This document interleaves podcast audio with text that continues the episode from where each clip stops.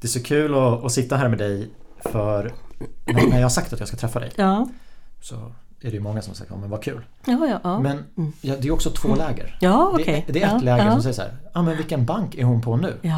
Ja. Och jag har ju inte så bra koll på den perioden men det är många som associerar Tror att jag det. är kvar. Ja, vad Ja, intressant. ja, är hon fortfarande på Swedbank? Ja, 2013 gick jag där. Ja, har jag läst i efterhand. Ja, Eh, och så är det vissa som säger, aha, Klimatpolitiska rådet. ja då har de Så koll det på är det. Ja. mm. kul i lyssnarskaran Lite att blandat. det är lite Ja. blandat. Ja, jag så jag tyckte ju- att vi ska prata om båda. Just det, och vi, jag, jag, gör, jag sitter i massa styrelser, jag gör massor med saker. Handels, handels ekonomiska råd, alltså jag är inne på alla möjliga områden. Så att det är kanske därför de inte vet riktigt vem jag är. För, för jag är på flera ställen liksom.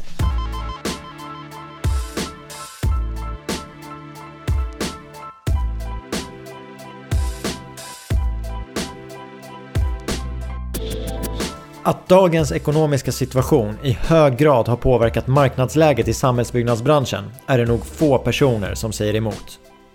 En del fastighetsbolag har svårt att refinansiera sina verksamheter.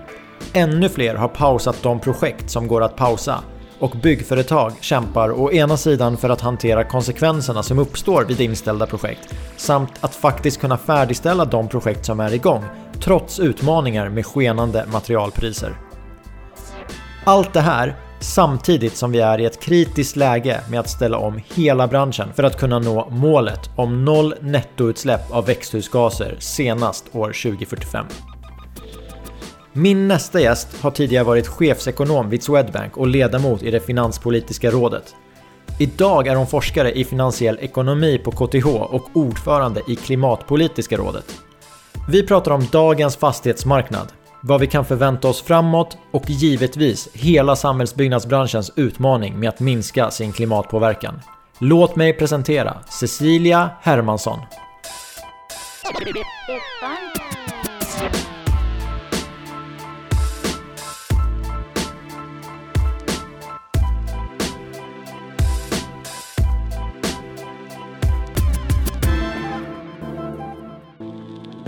Varmt välkommen till hela kedjan Cecilia. Tack så mycket. Från KTHs lokaler på Valhallavägen där du spenderar större delen av dina dagar.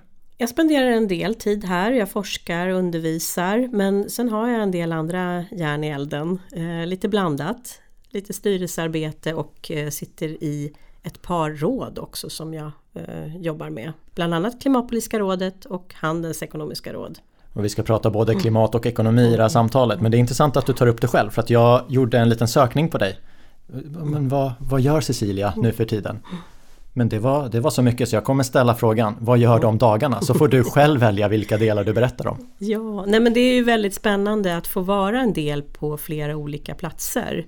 Eh, att få sitta i styrelser och då kan det handla om eh, finanssektorn eh, förstås. Det kan också handla om nystartade företag. Eh, det handlar om handelns utveckling. Ehm, och eh, det finns också eh, just nu då ett stort fokus på klimatet. Det där lägger jag nog mest tid just nu. En fråga jag har det är att när man håller på med forskning och då brukar jag alltid fråga, men vad har ni för kontakt med näringslivet? Hur funkar det samspelet mellan forskarvärlden och näringslivet där du Ja, men jag tycker att det fungerar ganska bra. Jag, jag kommer ju från näringslivet och har gått in i den akademiska världen. Jag brukar kalla mig själv för en late bloomer. Så jag, jag kommer ju inte från akademin och ut i näringslivet, utan tvärtom. Men min största, ska säga, största betydelsen det är att dels veta vad näringslivet tycker är viktigt. Men också att få vara med och ta del av data från näringslivet som gör att vi forskare kan göra forskning. Och, och, så att det är ovärderligt då att ha kontakter med inom de branscher och, och företag som, som man gör forskningen. Är det någon skillnad där på det här samspelet att få till sig vad branschen tycker är viktigt kontra att faktiskt dela med sig av data som ni kan använda i er forskning? Ja, det kan ju vara så att ibland har inte företagen möjlighet att dela med sig av data. Men då kan det vara minst lika viktigt att bara att förstå och bjuda in. Ibland, vi har ganska nyligen haft det här Bostad 2.0 här där vi har haft branschen och kunnat haft paneldebatter och diskussioner. Och då kom det fram väldigt många inspel om vad vi borde forska på när det gäller bostadsmarknaden till exempel, som var ovärderliga inspel. Kan du nämna något exempel? Ja, det fanns en hel del kring eh, det här med hushållens eh, finansiering och svårigheten att få, få lån. Eh, hur man ska säga, det långsiktiga sparandet också, att få, få den perspektivet. Eh, Likaså fanns det inspel kring elcertifiering eh, av fastigheter och ja, det, det var på flera olika eh, nivåer.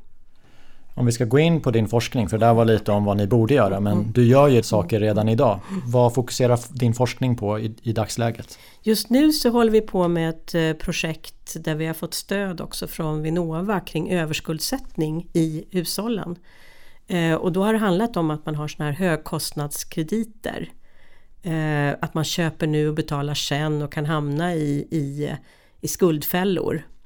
Så det ska vi försöka fördjupa den, eh, den möjligheten tillsammans med, med eh, branschen. Eh, och jag kommer också från ett forskningsprojekt ganska nyligen nu där vi har undersökt hur hyresvärdar i kommersiella fastigheter då, alltså handeln, hyresvärdar kontra hyresgästerna, vad man har för syn på hyresförhandlingsprocessen. Och det var oerhört spännande att se att det faktiskt fanns skillnader i hur man såg, vilka faktorer som var viktiga för när man förhandlar hyror kan ju bli aktuellt nu när en inflation på 8-9% ska prisas in i nästa års hyra. Verkligen, och när, jag, när vi gjorde detta då var vi i ett läge där konjunkturen förbättrades. Och då kunde man se att hyresvärdarna var mer framåtblickande och hyresgästerna mer bakåtblickande för då hade, kom vi från tid där det hade varit lite lägre konjunkturläge och, eh, och eh, även eh, hyror då. Så att man kan säga att skulle vi nu gå in och göra samma undersökning med en svagare konjunktur då är det möjligt att,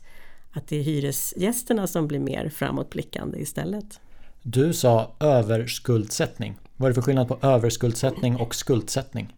Ja, det är just att, att en del kan hamna i skuldfällan och att försöka titta på om man tar lån för att köpa nu, betala senare men att man har kommit i en ond cirkel där man lånar för att man inte kan betala nu och så skjuter man problemen framför sig och kan inte betala.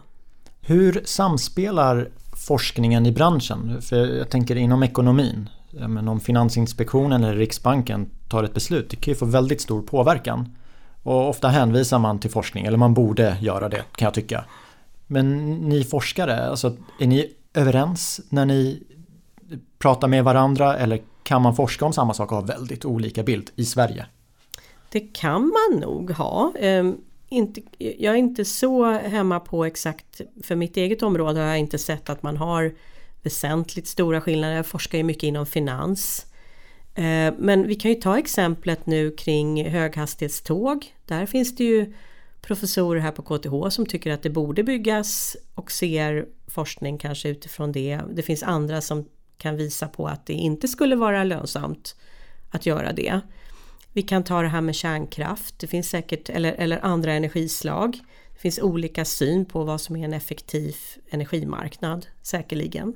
Så att det finns ju många områden där man kan ha olika syn även i, i forskningen. Men är det att indatat, det är väl samma men att man gör antaganden? Det är själva antaganden då som man inte är helt överens? Men det kan ju faktiskt vara så att man förhåller sig till olika metoder och modeller, att man har olika angreppssätt. Eh, det viktiga tycker jag det är ju att vetenskapen möjliggör ett, ett möte och att man kan få en, en hela tiden ha en pågående diskussion och mötas och kunna stöta och blöta argument. Eh, så att den vetenskapliga forskningen måste ju vara öppen och klara av just att, att mötas i, i argumentationen. Hur stor del tycker du att forskningen får i helhetsdebatten? För det är ganska många som uttalar sig om bostadspriser, om ränteläget framåt, om inflationen och så har man olika åsikter kring vad som ska göras. Det är inte alla som är forskare. Eller det är inte alla som har lagt jättemycket tid på det men man skriver en text, pang. Och så har vi forskningen här som ska du göra den på rätt sätt. Men får du ett forskningsuppdrag idag, det är ju inte klart om två veckor. Nej, det kan ta flera år. Hur funkar det samspelet i, i debatten och liksom in i beslutsrummen? Ja, när jag själv satt i eh, Swedbank och gjorde prognoser och bedömningar då var det ju inte så att det var forskningen som kanske låg till grund för man, man kunde ju utarbeta metoder och modeller, visst. Eh, men jag skulle ändå säga att man kan hamna i ett, ett, en situation där man pratar policy. Och där, men policyn har ju ändå också en utgångspunkt någonstans i forskningen. Vi kan ta ett exempel det här med att försöka hjälpa till för de som har fått det höga elpriser. Här visar ju då forskning att när man ska göra den typen av stöd då ska man göra det timely, targeted and temporary, de tre T'na. Och det är liksom någonting som forskningen har visat på också med empiri och att det, att det är bra att göra den typen av finanspolitiska satsningar. Och då gäller det för, pol, för beslutsfattare att sen liksom kunna förankra och förstå att det där har forskning visat att det är ett bra sätt att göra. Inte att förändra spelregler utan att göra någonting temporärt och för de som verkligen behöver stödet. Så att där finns det en koppling till forskning skulle jag säga. Men ändå de som sitter där, de, de kommer ju att vara mer policyorienterade än att de är vetenskapliga i, eh, med det här långa perspektivet som du nämnde. Jag tänker att vi ska komma tillbaka till forskningen lite senare i samtalet. Men nu när jag har det här så känner jag att jag, jag har en fråga jag vill ställa. Mm. Fastighetsbranschen. Den största snackisen just nu. Mm. Finansiering. Mm. Och då tänker jag framförallt på bankfinansiering och obligationsfinansiering. Sen om man kallar det den privata marknaden, det, det får man välja själv. Jag säger obligationsfinansiering. Kan vi först bara gå in på vad, vad är det för skillnad på bankfinansiering och obligationsfinansiering? Mm. Vi kan till och med gå in så och se hur, vad finns det för finansiella system i olika ländergrupper. Då kan man säga att Sverige har historiskt varit en bank orienterad marknad eller, eller eh, land, ekonomi. Medan de anglosaxiska länderna då som England och, och Eh, eh Storbritannien och USA och Australien, de har haft mer obligationsfinansiering. Och jag kan komma tillbaka till mer vad det betyder. Men sen har du den tredje då, det är mer statskapitalism alla, alla Kina. Och eh, då kan man säga att vad som har hänt i Sverige är att det har blivit mer och mer obligationsfinansiering. Så vi har börjat likna lite mer av, av den här anglosaxiska modellen. Och vad som händer där det är ju att du kan ju som företag eh, emittera obligationer och, och, ta upp lån på det sättet. Eh, du, det är istället för att du eh, ger ut eh, aktier och finansierar dig med aktiekapital så kan du finansiera det då på marknaden med obligationer. Och, och den marknaden har ju vuxit enormt för just fastighetsbolag. Ehm, och då är det en del företag, fastighetsbolag, som både har tagit upp banklån men sen har sakta men säkert börjat öka sin finansiering via obligationsmarknaden.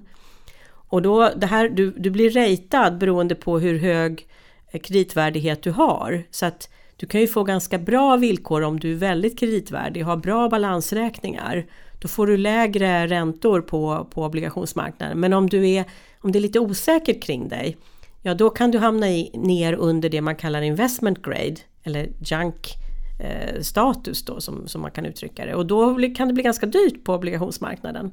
Och vad som händer i en situation som vi är inne i nu det är ju att du kan faktiskt trilla ner, du kan bli liksom sämre och sämre ratad för att du får sämre och sämre balansräkningar. Du har tagit på dig för mycket skuld. Och då kan det bli svårt att rulla över krediten när du då måste liksom få, det blir dyrare att finansiera dig och då kanske du vänder dig tillbaka till banken och försöker få lånet där. Men då kanske banken tycker att nej, men det här känns ju inte helt säkert. Och här, här blir det ju då en osäkerhet på marknaden om det finns aktörer som inte riktigt är lika kreditvärdiga som tidigare. När vi hade det i banksystemet, då tog man ju in all risk där. Man har ju tyckt nu att det är bra att vi diversifierar risken. Du har lite obligationsfinansiering, lite bankfinansiering. Det har även Finansinspektionen tyckt var bra, Riksbanken, alla, att, att du får en diversifiering av risk. Problemet är just det här om, om man är ett företag som förväntar sig att kunna komma tillbaka till bankmarknaden om man har liksom lämnat den. Den här bankrelationen kanske inte riktigt finns där längre. Om man inte visar att man är ett väldigt eh, ja, effektivt och, och välskött företag. Så att du kan liksom inte komma undan. Och, och, här ser man att det finns en del fastighetsbolag som har ökat sin balansräkning, tagit på sig väldigt mycket skuld den senaste tiden och nu ganska drastiskt har fått börja sälja av och konsolidera sin balansräkning för att kunna få den där finansieringen och få den en bättre kreditvärdighet igen. Men har man valt obligationsmarknaden för att banken inte ger mera lån eller för att villkoren är bättre på obligationsmarknaden? Finns det någon sån röd ja, tråd? Det, man kan säga att många har valt obligationsmarknaden för att det har varit lite lättare kanske. Du har inte lika mycket pappersarbete. Alla gånger när du väl är ratad så kan du ganska lätt få ny finansiering under de här goda tiderna vi har haft. Det har varit väldigt låga räntor och du har då fått ännu bättre villkor på obligationsmarknaden. Det skulle jag säga är det viktigaste. Sen kan man säga att det har ju skett en sån extrem expansion i en del av de här bolagen och de har lånat upp i Europa också, inte bara i Sverige, svenska obligationsmarknaden. Och just den här expansionen hade kanske inte varit så lätt att göra om du inte hade kunnat få den här diversifieringen. Allt hade inte kunnat tas upp av bankerna. Så på det här sättet har de här bolagen också kunnat expandera eh, mer än om de bara hade haft en bankfinansiering. När jag skriver ner här för och nackdelar. En fördel var ju att det blir en riskspridning i det ekonomiska systemet. En mm. fördel är också att det kanske går lite snabbare ja. och du kanske kan låna lite mer. Mm. Eh, nackdel, du, du har ingen bankrelation. Du har, du har ingen mm. att förhandla med riktigt. Mm. Har jag missat något? Nej. Eller är det de tre som är... Nej, men nackdelarna, jag tror att många har känt att, att det är inte så många nackdelar och man har vågat gå till, mot obligationsmarknaden. Men sen ska vi ju lägga in ytterligare en pusselbit här. Vi såg vad som hände vid pandemin. Där gick ju Riksbanken in och hjälpte till. För det finns ju också fonder som satsar på de här bolagen. Och då är det ju så att om man har en fond där man ska kunna ta ut pengarna varje dag då blir det lite märkligt om det här är väldigt långsiktig finansiering. Och vad som hände då var att du hade aktörer som ville få ut pengarna men det fanns inte den likviditeten. Och då gick ju också Riksbanken in och började stödköpa de här fastighetsbolagen. Eh, och det var ju tvungen att vara investment grade så det skulle ju ändå vara liksom en, en god eh, kreditvärdighet. Men på det sättet så har man ju också understött och, och i princip visat att vi hjälper er när det börjar blåsa. Så risken, eh, vi tar lite av risken säger Riksbanken. Vi, vi finns där för er. Och då, då är man inne och förändrar villkoren. Vi kallar det för moral hazard. Det är lite som att man inte är lika rädd om sina ägodelar om man har försäkrat dem. För då vet man att man får tillbaka om man blir bestulen eller det brinner eller vad det kan vara. Så att det är ju viktigt att man inte ger anledning här att, att liksom visa på att det finns alltid någon som tar den här risken. Uh, och nu tror jag ju då också, i och med att man har gjort det, man har fortsatt att köpa även om det är väldigt små volymer, så har du visat att eh, du kan ta den här risken. Vi, vi kommer in om det börjar bli problematiskt. Jag hade snarare ändrat villkoren för att du inte kan plocka ut pengarna varje dag på sådana fonder. Är det långsiktigt då ska du kanske ha en, en annan approach vad det gäller att spara i den typen av fonder. Så hade jag tänkt. Det gynnar ju riskviljan på något sätt när Riksbanken kommer och hjälper till. Det är väl som nu om det ska bli amorteringsfritt ett tag. Mm, mm. Tänker jag, på ja. den privata sidan. Ja. Är det bara företag som eh, tecknar obligationer eller banken, hur finansierar de sin utlåning? De har ju då väldigt mycket säkerställda covered bonds, säkerställda obligationer där det också då ett till ett kan man säga så att det finns en säkerhet i fastigheten bakom. Eh, så det är en väldigt stor del av svensk finansiering i banksektorn och eh, en väldigt uppskattad obligation att ha eftersom det är så stor säkerhet kring den. Ehm, men det finns ju också att man emitterar egna obligationer. Eh, sen har du kommuner som gör likadant. Eh, de finansierar sig också med kommunobligationer. Eh, så det finns olika former av obligationer då. Och jag skulle säga att det är positivt för svensk finansmarknad att vi har en välutvecklad obligationsmarknad och att det finns en andrahandsmarknad att du kan köpa och sälja obligationer. Det var något fastighetsbolag som eh, förlängde en obligation, jag tror det var över 8% i ränta. Och mm. det är mm. inte så konstigt i fastighetsbranschen men just Nej. det här bolaget dubblade ju sina räntekostnader ja, jämfört ja. Med, med, tidigare. Och då tänker jag att ja, men det finns ju en affär för de svenska bankerna att komma och säga låna av oss för 7,5. Mm. Vad tror du där? Vad, vad, kan banksektorn se för möjligheter i det här? Vill man ha tillbaka kunderna eller sitter man och Titta på nu och lös det här själva? Ja, men jag tror att man är väldigt noga med att se om det är ett välskött bolag som är uthålligt, och har förutsättningar att ta emot lån. Man har blivit mycket mer noggrann med att det finns återbetalningsförmåga, att man kan man lånar inte ut om man inte tror på sin kund. Så att det blir upp till det här bolaget att bevisa att man kan få den här bankrelationen tillbaka då ifall man har gått lite längre åt andra hållet om jag säger så. Så att bankerna kommer att vara ganska Ja, de, de kommer naturligtvis öka de affärerna där de ser att, att kunderna är välskötta. En hel del av fastighetsbolagen som har tecknat obligationer har ju använt det till att köpa befintliga fastigheter och öka sitt mm, bestånd. Mm, mm. Men jag tänker att det finns säkert företag som har använt det här till att bygga nytt också. Vad kan det få för konsekvenser om man inte kan rulla över sina, sina lån? Mm. Blir, blir det att byggandet kommer krascha? Vi, vi ser ju, krascha är ett väldigt starkt ord i det här fallet men vi ser att byggandet går ner. Och eh, en förklaring till det kan man ju säga att pekar ju på då att det har blivit tuffare för bolagen att finansiera sig och kanske också väljer att inte ta risk i det här läget. Så man är lite mer försiktig. Eh, sen kan man ju konstatera att kostnaderna för att bygga har ökat. Eh, så inflationen gäller även många delar i bygg, byggprocessen. Och sen kan man säga att efterfrågan har minskat. Så att de som ska köpa eller flytta in och hyra de här bostäderna har fått det sämre och har så därför blir man också mer försiktig om, om efterfrågan förändras. Så jag att det här är ganska allvarligt därför att det här innebär ju med några års för, fördröjning att det kommer bli svårare att möta den bostadsbrist som vi också redan har. Så det, det ser jag som problematiskt som en samhällseffekt av det som sker nu. Men det finns ju alltid det här bostadsbolaget som säger att ja, men det här har vi sagt, det är helt överhettade priser, det är därför vi inte köpt någonting. Och då tänker jag att då finns det ju en möjlighet att komma in nu. Mm. Hur, hur mycket kan fyllas av sådana spelare som har som ja, har avvaktat? De som har avvaktat, de som är välskötta och inte behöver konsolidera sina balansräkningar har kanske möjlighet att göra bra affärer, kanske kan få tillgång till mark eller sitter på mark en längre tid kan men de måste också hitta aktörerna som kan bygga och räkna hem liksom där kostnaderna har ökat. Men jag ser absolut att det kan finnas men på makronivå så ser vi att aktiviteten ändå eh, dämpas. Det är ju en stor osäkerhet nu för vi vet ju inte. Det känns som att man lever eh, månad för månad och mm. får nya inflationssiffror till sig. Mm.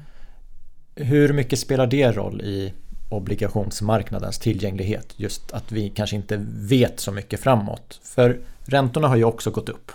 Så det, mm. det är klart att om finansieringen blir dyrare men 8% låter ju rätt mycket om man jämför med vad styrräntan i Sverige ligger på. Ja, det är ju verkligen inte lätt att prissätta risk. Och eh, om vi tittar på det grundläggande här, det är ju går vi från ett låg, en låginflationsregim till en höginflationsregim? Det blir liksom en fråga och i så fall kommer den vara bestående mer höginflationsregim. Alltså regim menar jag då att det är en längre period. Och då kan man ju säga så här att vad är det som skulle tala för att vi är inne i det? Ja, möjligtvis att, att det sprider sig och blir bredare inflation. Att man också får inflationsförväntningar som går upp. I vissa ekonomier, till exempel USA, kanske också en, lite grann en löne och prisspiral. Att man ser det på lönerna. I Sverige har vi ju industriavtalet så att det blir liksom om parterna är ansvarstagande så kan man säga att de kanske kan hantera ett år och sen tänka att ja men det där kommer vi kunna ha lite högre lön men sen ska det ner till normalen igen. Och det som då talar för att det inte ska bli en höginflationsregim det är just att vi nu ser att råvarupriserna börjar falla tillbaka. Att centralbankerna höjer räntorna. Eh, och faktiskt säger då att ja, men okej, vi kanske kom ut lite sent ur startblocken men nu måste vi höja lite mer för att visa att vi faktiskt vill få ner inflationen. Och att man då lyckas med det samtidigt som konjunkturen dämpas. Det är ju kostnaden för allt det här, att vi får en svagare konjunktur. Och då kommer ju inflationen gå ner av det skälet också. Och då kan vi möjligtvis jobba oss tillbaka till de här 2 procenten. Och då när vi ska prissätta risk, då kanske det liksom ändå är så att på obligationsmarknaden så kommer vi ner och tillbaka till det vi hade förut. Men kanske inte att det är fullt så låga räntor som vi hade tidigare. Men ändå mer åt det hållet. Att det här är någonting speciellt som vi är inne i just nu. Tillfälligt mera. Så skulle jag se det.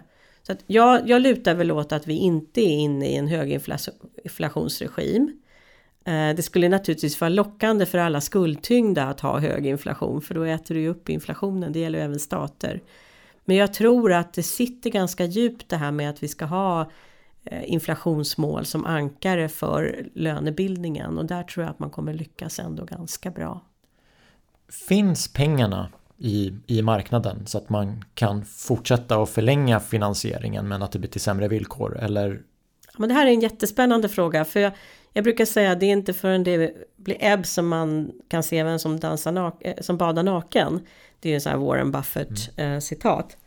Och det är ju lite så nu att vi har ju haft enormt mycket pengar som har kommit ut i världsekonomin i och med att centralbankerna inte bara haft låga räntor, de har ju också köpt de här obligationerna. Vi pratade ju nyss om att man köper företagsobligationer. Det är ju en väldigt liten del. Vad man har gjort är att man har köpt mängder av statsobligationer för att pressa ner långräntorna ytterligare. Och då har det ju också fått en väldigt kraftig likviditet i i världsekonomin. Det har funnits väldigt mycket pengar. Och det har inte kostat någonting att låna. Det tror jag ändå är på väg att förändras i och med att du går från det vi kallar quantitative easing när man köper statsobligationer till quantitative tightening.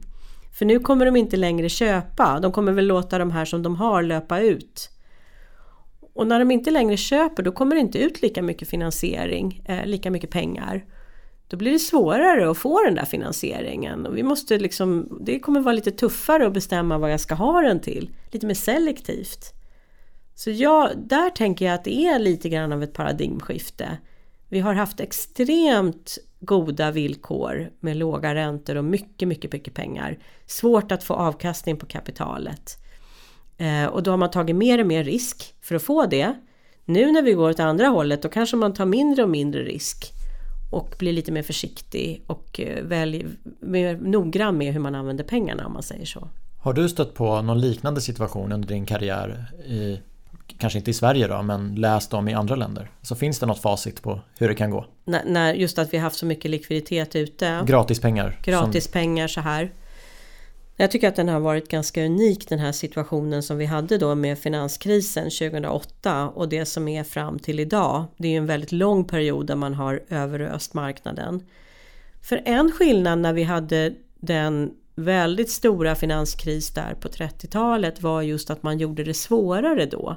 Det var därför Ben Bernanke nu tilldelas Nobelpriset. Han forskade just på det. Och då var det ju många centralbanker och banker överhuvudtaget som gjorde det tuffare att låna när det var kris. Den här krisen, då har vi verkligen gjort det enklare att få tillgång till pengar. Så att jag ser det ändå som att det har varit ganska unik, en unik period som jag tycker möjligtvis hade vissa effekter i början 2008-2009 men som vi inte vet om det verkligen har gjort om det har varit så nödvändigt att ha så här mycket pengar ute. Jag, jag tycker att det gick för långt. Så att det är positivt om vi kan komma ur det här helt enkelt.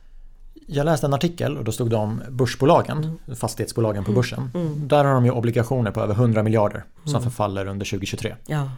Eh, bara sätta den summan i perspektiv. Mm. Är det en stor summa eller är den liten om du sätter in den i hela den ekonomiska finansiering och bankernas möjligheter i Sverige? 100 miljarder kronor eller ja. dollar. Eh, var kronor. Det, kronor var det här.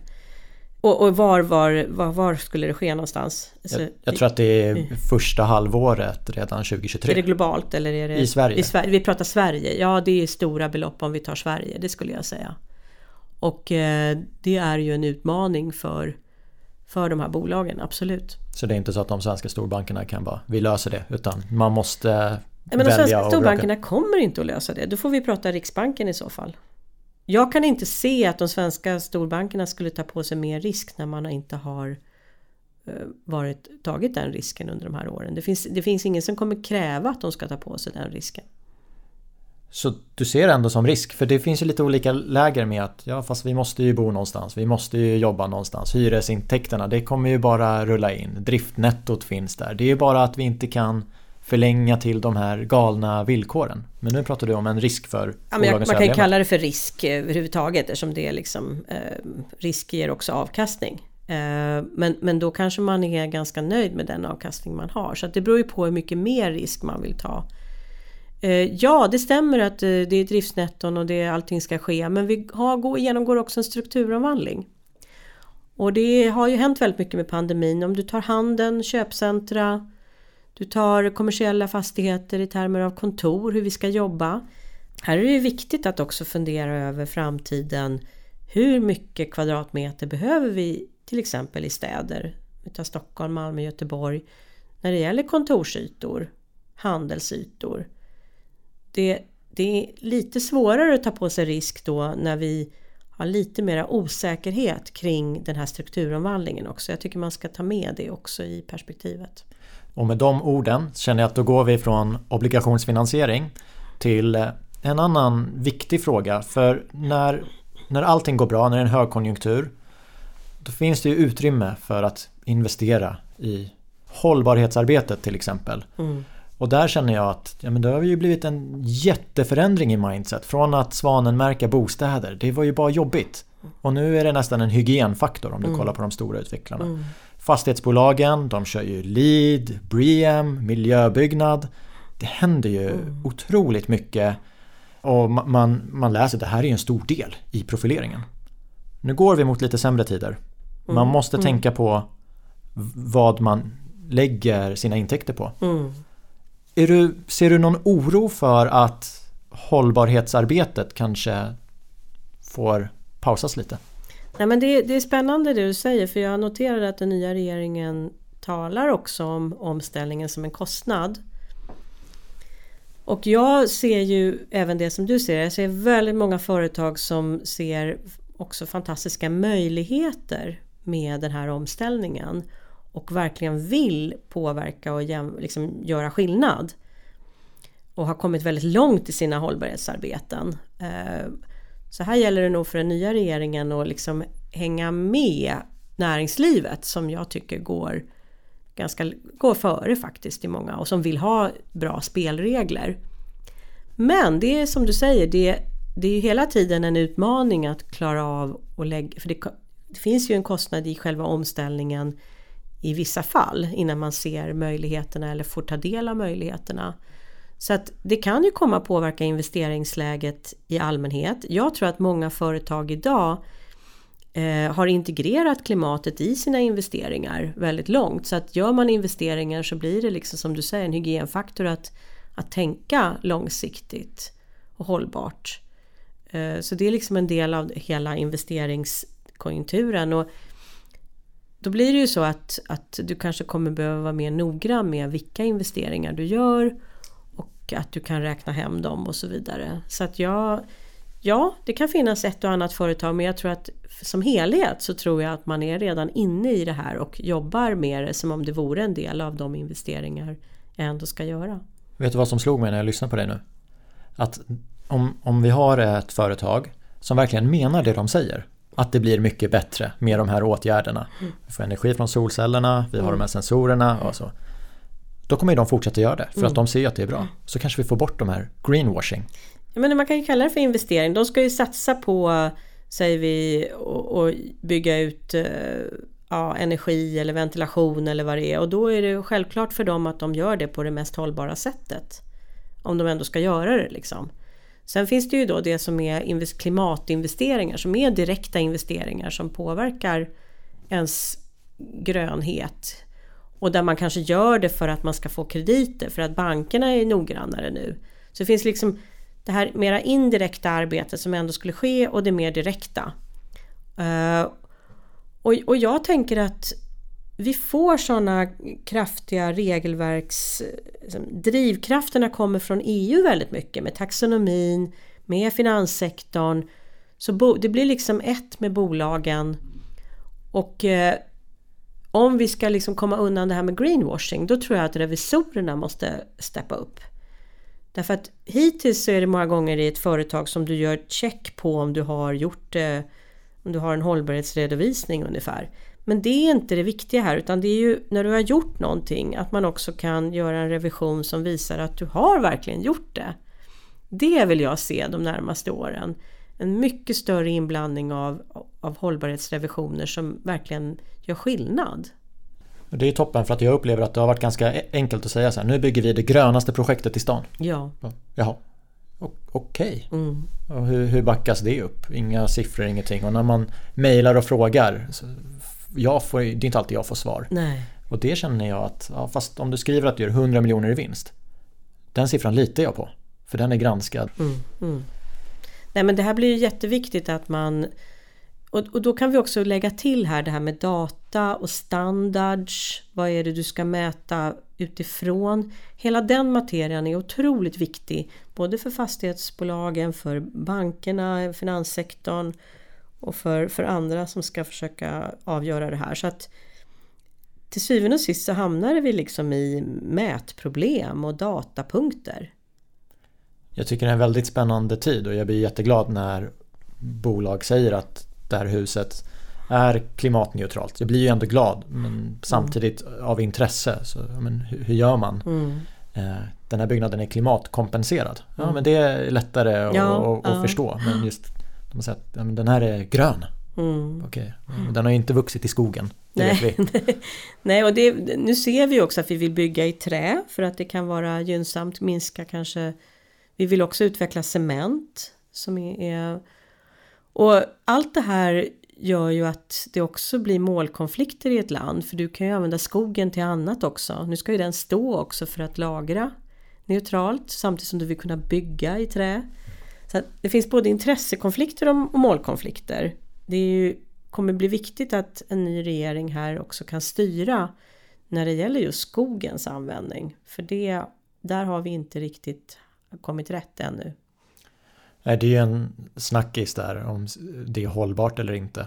Pratade jag lite med Fossilfritt Sverige om. Mm. Att eh, ja, vi har mycket skog men om man bara planterar en trädsort för att den är lätt att plantera. Ja. Men det kanske inte är hållbart men det är bra för fossilfriheten. Ja. I alla fall i det korta perspektivet. Sen om det kommer en granbarksborre som Precis. tar död på hela skogen, men då, då blir det ju inte bra. Och det problemet har vi nu. Nu har vi inte alls samma möjligheter att, att, att eh, binda in kol i den växande skogen därför att vi har tappat så otroligt mycket på grund av granbarkborren och här kan man väl säga att det ser man ju då samspelet mellan biologisk mångfald och klimatförändringar. Det, de, de hör ju ihop även om vi ibland separerar dem lite väl mycket. Men de påverkar varandra tänkte att vi ska i sista delen av samtalet komma in på Klimatpolitiska rådet. Mm. Så här står det på hemsidan. Klimatpolitiska rådets uppdrag är att utvärdera regeringens politik och de underlag den bygger på. Vi ska även bidra till en ökad diskussion om klimatpolitiken i samhället. Du är ju ordförande där. Ja. Hur arbetar du mer konkret med Klimatpolitiska rådet? Ja, man kan säga så här att vår främsta uppgift är att granska den politik som man för ut om den bidrar eller motverkar våra möjligheter att nå klimatmålen. Men sen har vi också andra roller eh, där du tog upp det här med, med att vara en del i debatten och så vidare. Men när det gäller granskningen då så kommer vi senast mars varje år kommer vi med en rapport som eh, då tittar på hur man har lyckats under året som har gått hur, och då är, finns det en viss fördröjning ibland i statistiken. Men vi tittar också vilken politik som har kommit ut och våra bedömningar om de gör det lättare eller svårare att nå målen. Och sen tittar vi ju på regeringens budgetar. Det finns också en handlingsplan som en regering ska lämna eh, senast året efter. Så att i december nästa år ska den nya regeringen lämna en handlingsplan för hur man förutser nå klimatmålen. Det, den typen av handlingsplan studerar vi också, även underlagen till den handlingsplanen. Så det, det, det handlar mycket om att granska men även att vara en eh, kan, kan ju också peka på vad som kan vara kostnadseffektivt och vad som kan vara en rimlig väg framåt och det gjorde vi lite grann i vår senaste rapport. Då vi tog upp olika nyckelområden som vi såg som möjliga att jobba med för att nå målen lättare. Hur viktigt är det för dig med din bakgrund och jag tänker den finansiella sektorns inblandning i att nå målen? Vad har du för hjälp av det i ja, din roll som ordförande? Vi har ju en blandning här nu i rådet. Det finns professorer som kommer från klimatologi, där är en vakant nu som vi ska tillsätta precis här. Vi har eh, inom statsvetenskap, nationalekonomi, psykologi, tidigare filosofi ska också ersättas för det är viktigt även det filosofiska perspektivet tycker jag. Um, mycket teknik, innovation, det kan vara fossilfri energi och så vidare. Och eh, här, här är det ju viktigt att här finns det ju en samlad kompetens och eh, en, en, lite tvärvetenskapligt att man kan lyssna på varandra och samverka. Det finns också då eh, Eh, i, i det här fallet så är det också viktigt att ha eh, erfarenhet när det gäller att granska förvaltning och granska eh, ekonomisk politik. Jag har ju en bakgrund i Finanspolitiska rådet. Har den erfarenheten. Har också jobbat i Finansdepartementet. Ehm, och Sida. Så jag har liksom en, en, en erfarenhet av förvaltning. Eh, och sen finanssektorn som du nämner, också oerhört viktig, inte minst nu när med taxonomi och ökade krav på hur krediter ska kunna lämnas, vad som ska, vilka, att, att bankerna kan säkerställa att de inte lånar ut till det som inte är fossilfritt. Um, Likaså fondbolag, att man har ett, ett mer hållbart sparande och så vidare. Det finns många olika delar i det här och vi, vi gav Sustainable Finance Lab i uppdrag att göra just en rapport om finanssektorns påverkan. Så där, det jobbar vi med. Ehm, och vi har också tittat på finanspolitiken och konstaterar då att det finanspolitiska ramverket saknade helt koppling till klimatet. Så här jobbar vi också med att försöka få en bättre samordning mellan finanspolitik och klimatpolitik eller klimat, det är den samlade politikens påverkan på klimatmålen som vi, som vi undersöker. Och jag tror att det är oerhört viktigt att samla alla de här olika kompetenserna därför att det är ju det är ju inte ett politikområde. Det är den samlade politiken som vi måste titta på. Jag, jag hör på dig. Ni har olika roller och bakgrund mm. i Klimatpolitiska rådets arbete. Mm. Ni har all den här kompetensen. Eh, det ni vill veta mer, mer om då beställer ni en utredning. Mm. Ni tar fram en rapport med förbättringspunkter. Alltså det måste ju vara så himla svårt för en regering att bara nej, nej men ni, ni har inte koll. Alltså hur, hur kan man motivera att inte gå på era förbättringspunkter? Ja, alltså det är klart att politik är ju att välja och att liksom prioritera ideologier och värderingar och det som vi hamnar i ibland är ju målkonflikter. Det finns andra samhällsmål. Och just nu så är det ju en sån situation där du fått väldigt höga elpriser och bränslepriser och där en regering kan uppleva att det är ju också samhällsmål att se till att medborgarna klarar av sin försörjning och kan ta sig till jobbet och så vidare. Så att det, det, det som är viktigt här och, och, vi kommer att djupa lite mer i det, det är ju att, att det är viktigt för en regering att vara medveten om de målkonflikter som finns. Eller intressekonflikter också för den delen, för det kan ju finnas intressegrupper också. Men om du har de här samhällsmålen så måste du i alla fall vara medveten om att ja, men här finns också klimatmål och hur lirar de med varandra? Det, det tycker jag som oerhört viktigt. Och, så det går ju faktiskt för en regering att säga att men de här målen är viktigare än de här. Sen kan det ju vara så att man, man kommer bli utvärderad och då måste man ju kunna argumentera för varför man inte gjorde så att man om man då för en politik som faktiskt gör det svårare att nå målen då måste man argumentera för varför. Ni skriver att omställningen den eh, behöver accelereras. Mm. Och eh, man kan även läsa att vägen är till stor del redan känd. Mm. Och samtidigt så ska vi ju sänka bensinpriset med 5 kronor vid pump. Mm. Vi ändrar i reduktionsplikten. Det känns ju inte som att det är den vägen ni, ni pratar om. Nej, det, förstår det som, du vart ja, jag vill komma någonstans? Jag, jag förstår var du vill komma och det som, det som är viktigt för en regering det är ju att se att omställningen genomsyrar hela vårt samhälle. Det här är ju det största som har hänt sedan industrialiseringen.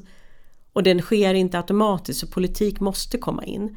Och då kan man bestämma sig för att, en, att det bara handlar om el. Vi ska göra en sak för att nå målen och det är att satsa på kärnkraft. Eller så kan man se att ja, men det är alla sektorer och då måste vi också titta på transportsektorn.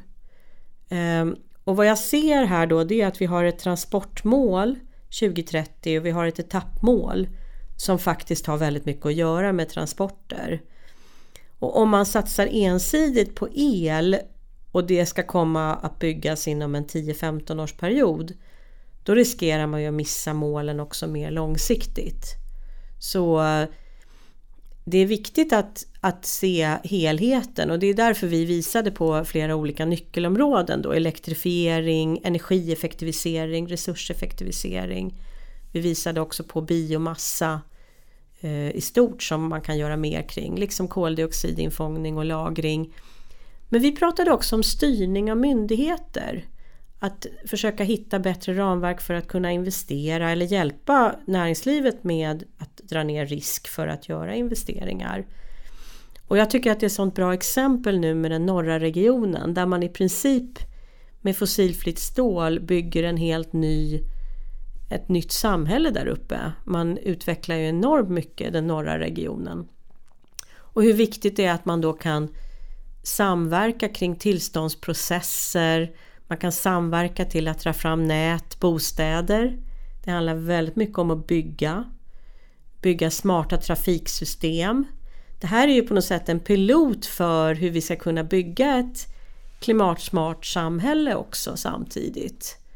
Eh, och här tror jag att vi kommer att få se att det finns en regering som behöver komma in i politiken och styra regioner, kommuner, försvaret behöver vara med i det här om vi ska kunna eh, få till infrastruktur där uppe.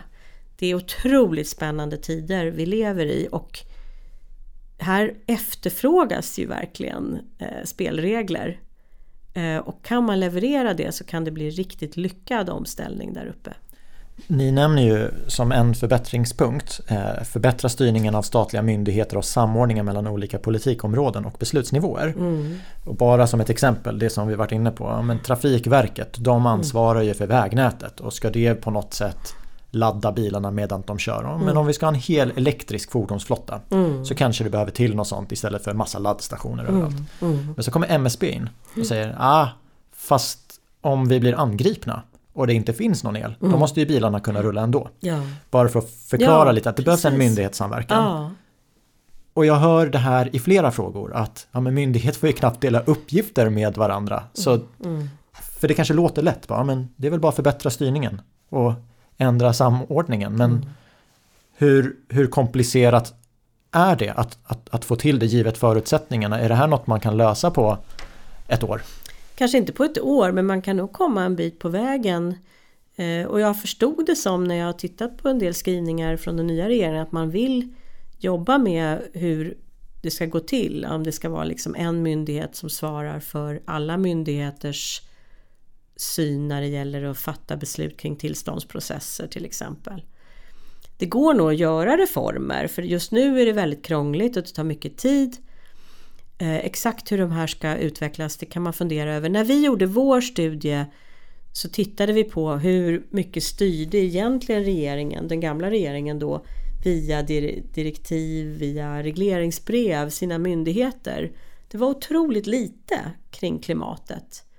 Så man missade på något sätt möjligheten att använda myndigheterna som ett sätt att styra den här omställningen.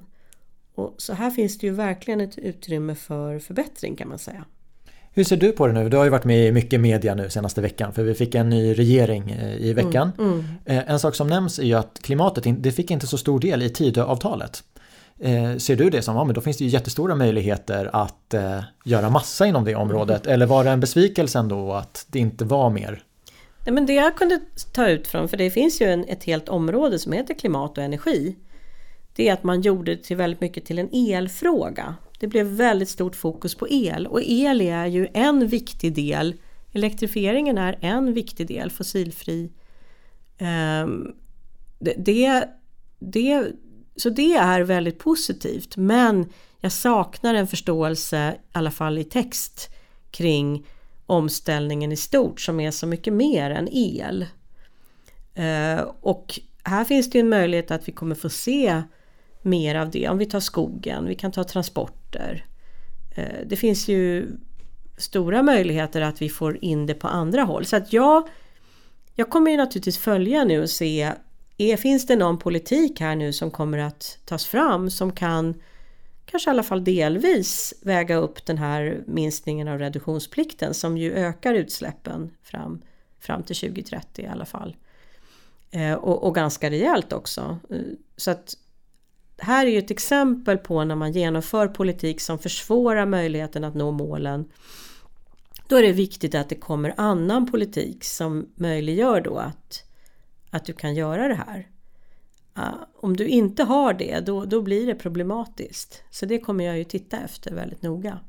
Vi sitter här i oktober 2022. Rätt dystra utsikter på kort sikt. Vi mm. vet inte. Vi mm. har en inflation som går upp och vi, vi, mm. vi vet inte vad som sker. Vi kan se i eh, andra delar av världen så har klimatet slagit till. Nu var det väl översvämningar i Grekland bara förra ja, veckan. Ja, Kreta och som får andra. Ja. förödande konsekvenser. Ja, Vi vill ju ändå tänka lite positivt. Mm. Har du några slutord? Nej, men jag tror att fler och fler upplever att det är här och nu. Man blir påverkad. Man har semesterorter i södra Europa där det har brunnit och man ser att det blir mera av anpassningskostnader som kommer att komma och det tror jag ökar också insikten och, och viljan att vilja vara med i själva omställningen så att vi ska minska behovet av de där anpassningskostnaderna. Och jag måste säga att den senaste tiden har vi sett ett enormt momentum och en mognad för att vilja göra rätt och man ser inte alls det här bara som en kostnad längre, framförallt inte i näringslivet. Däremot hos hushåll så är det en del beteendeförändringar som kommer att behöva komma. Men även där så ser jag att det finns faktiskt, det behöver inte alltid vara negativt att förändra. Eh, om jag kanske tycker det är ganska roligt att gå och köpa second hand eller åka tåg eller alltså allt behöver inte vara negativt och jag tror att det är det vi kommer att se mer av framöver. Tack för att du gästade hela kedjan. Tack så mycket för att jag fick komma hit. Fun.